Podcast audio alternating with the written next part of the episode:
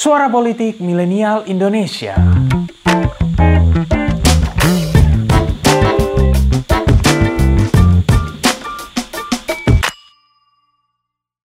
Terbaju loreng, eh sorry, kaos loreng, celana loreng, pakai doktek ya, kayak tentara Amerika itu ya, gantung-gantung di sini, kumisan gini kan. Maka waktu ketemu saya gak selamat dia, saya Nurdin pak, gitu. Tangannya siap di trigger ini, akanya gitu. Ada dua anak buahnya juga bawa AK yang sama. Saya bilang, Din, saya Pak Sutioso ya. Ini ajudan saya Tisna, ini pengawas saya Wayan. Saya bilang, Din, kami bertiga membahas senjata nggak apa-apa kan?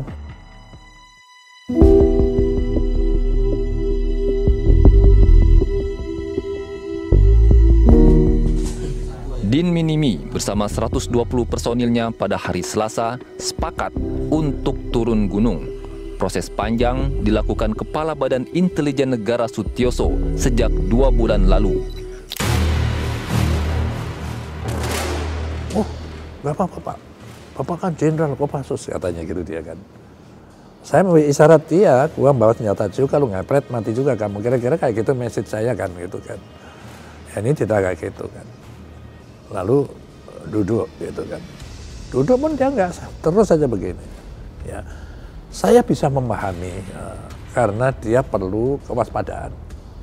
Intinya kira-kira kita bicara sudah tiga jam dari jam 7 sampai jam 10 malam dan belum menemukan titik temu. Nah oleh karena itu lalu saya ngusulkan sama Nurdin, uh, saya tanya Tin, kamu nih sudah berapa lama nggak ketemu anak istrimu? Wah udah lama bertahun-tahun pak gitu. Apa kamu nggak rindu? Wah bapak gimana pak, saya kan pengen tahu anak saya kayak apa gitu saya usulkan gimana kalau kita uh, berunding ini kita teruskan di rumahmu saja. Beliau kaget kan. Oh, di rumah saya? Ya jamin keamanan saya siapa pak? Gitu. Eh, jamin saya Tin. Gitu. Aku kan sama kamu terus begini. Andai kata kita ini diserang sama aparat, kan kalau kamu mati aku juga mati kan masa peluru bisa milih-milih kan aku di sebelahmu terus itu setelah mereka berembuk ya dengan para komandannya gitu akhirnya mereka setuju gitu dan saya pun nggak ngerti rumahnya di mana hanya saya memang punya apa namanya ya, punya keyakinan ya. anak ini punya hati yang lembut juga lah. Di samping penampilannya garang itu hatinya pasti lembut. Jadi kalau sudah ketemu anak istrinya apalagi maknya gitu ya. Jadi ingat maknya itu kan sudah janda kan. Uh, saya amat yakin lah gitu. Anak ini kalau sudah ketemu keluarganya mungkin akan uh, berubah pikiran. Akan makin lunak gitu kan. Ya sudah. Sudah singkatnya gua juga nggak ngerti rumahnya di mana gitu kan rumahnya rumahnya di kampung terpencil juga kan. Gua jauh-jauh rumahnya gitu. Udah udah jam 12 malam ya. Lalu di situlah pemandangan yang sangat dramatis gitu ya. Di mana Nurdin ketemu nyaknya ya, yang sudah janda ini, sudah umur juga, lalu ketemu anak istrinya, mereka nangis jerit-jerit histeris kayak gitu lah. Saya biarkan aja terus. Nah kira-kira jam satu, saya bilang sama Nurdin, Din, boleh nggak aku tidur di rumahmu? Wah pak, rumah saya kecil begini pak nggak ada tempat pak gitu itu di sebelah ada gubuk itu bapak mau di situ mah ada tikar kan ada pak gitu lagian kan kita belum selesai tadi bicara gitu lalu saya ingatkan ya Din kamu itu kan nuntut ini ini ini. Ini satu dua tiga empat lima. Ini saya akomodir lewat pemerintah daerah saya. Akan saya sampaikan ke gubernur. Jadi amnesti ini saya yakini tidak akan ada hambatan hanya perlu waktu. Yang satu amnesti saya sudah lapor presiden, pasti kamu akan dikasih amnesti. Kan gitu memang bagi kita nggak ada masalah kasih amnesti, cuman nggak bisa dua kali kan. Kelompok ini belum, kelompok Nordin dan anak buahnya 120 orang. Jadi apalagi gitu. Kamu perlu diketahui ya, anak buah itu anak-anak muda ada belasan tahun lah yang paling tua 24 tahun. Selebihnya ada yang 17, 18, ada yang belum sampai 17 ada. Anak itu tapi militan sekali orangnya. Jadi saya di Gubuk sebelah rumah dia itu ya, dengan pelunasan tikar kita bicara terus. Ya. Cerita singkatnya akhirnya saya ingatkan kembali, Tin, kamu membawa anak-anak muda ini yang ada masih sekolah, ada yang membantu orang tuanya gitu. Lagian kamu, tegakah kamu meninggalkan lagi keluargamu yang sudah kayak begitu?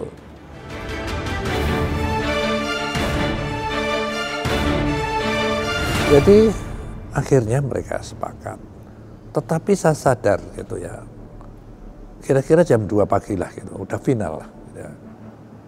Dia negaskan lagi, lalu siapa Pak yang menjamin nyawa saya dan anak buah saya? Saya, Tin saya, saya sudah koordinasi dengan Panglima, saya koordinasi dengan Kapolda. Kalau ke, kamu kembali ke masyarakat, akan diperlakukan seperti masyarakat yang lain. Gitu.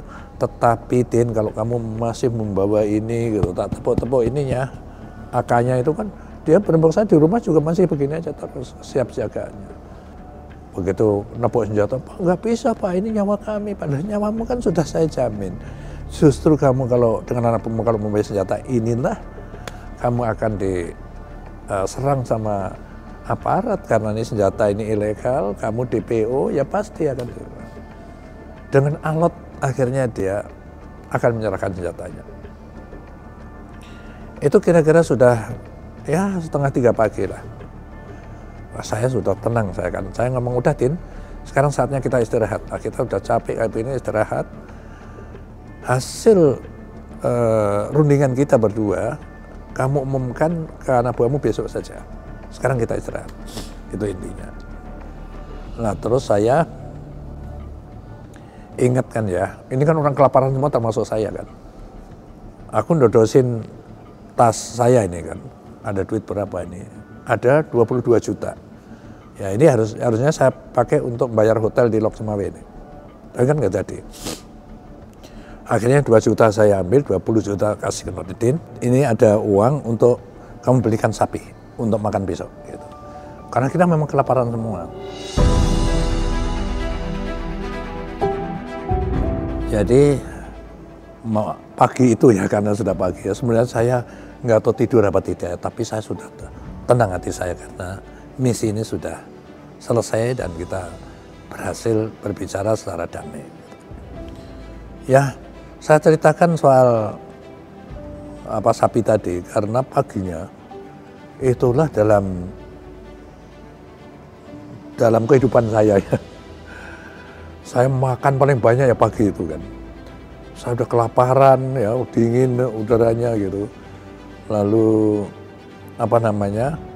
Saya kan tahun 78 waktu pangkat saya mayor tadi sudah cerita saya pernah tugas di Aceh. Jadi saya tahu sekali karakter orang Aceh itu seperti apa termasuk pandainya dia kalau memasak gulai gitu kan wah gitu makanya ya wajar kalau ada yang bertanya kok saya nekat seperti itu ketemu dengan katakan gerombolan persenjata gitu karena saya yakin karakter orang Aceh kita tulus kita bicara mereka juga punya hati yang lembut kita mudahnya saling percaya saja dan yang kedua yang saya tahu itu tadi karena waktu saya 10 bulan dulu tugas di Aceh itu uh, apa namanya tiap hari aku makan yang masakan orang Aceh. Wah, aduh kalau masak gulai itu sangat lezat gitu dan itulah dalam sejarah hidup saya makan paling banyak ya pagi hari itu gitu. Dan cerita singkatnya paginya lalu Nordin mengumpulkan anak buahnya diceritakan semua masalah itu termasuk mengumpulkan senjata. Dan alhamdulillah semua berjalan dengan lancar ya. Uh, apa namanya senjata bisa saya kolek termasuk pelurunya ya kira-kira dua karung gitu ya ada granat ada segala macam itu. Ya, kasihkan ke kita gitu. Dan selesai lah misi itu tadi alhamdulillah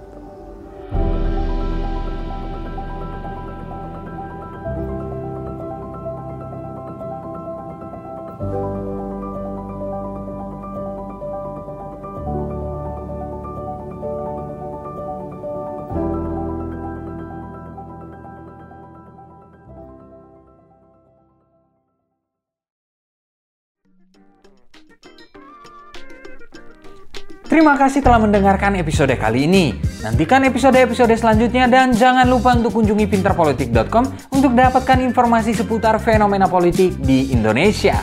See you next time and bye-bye.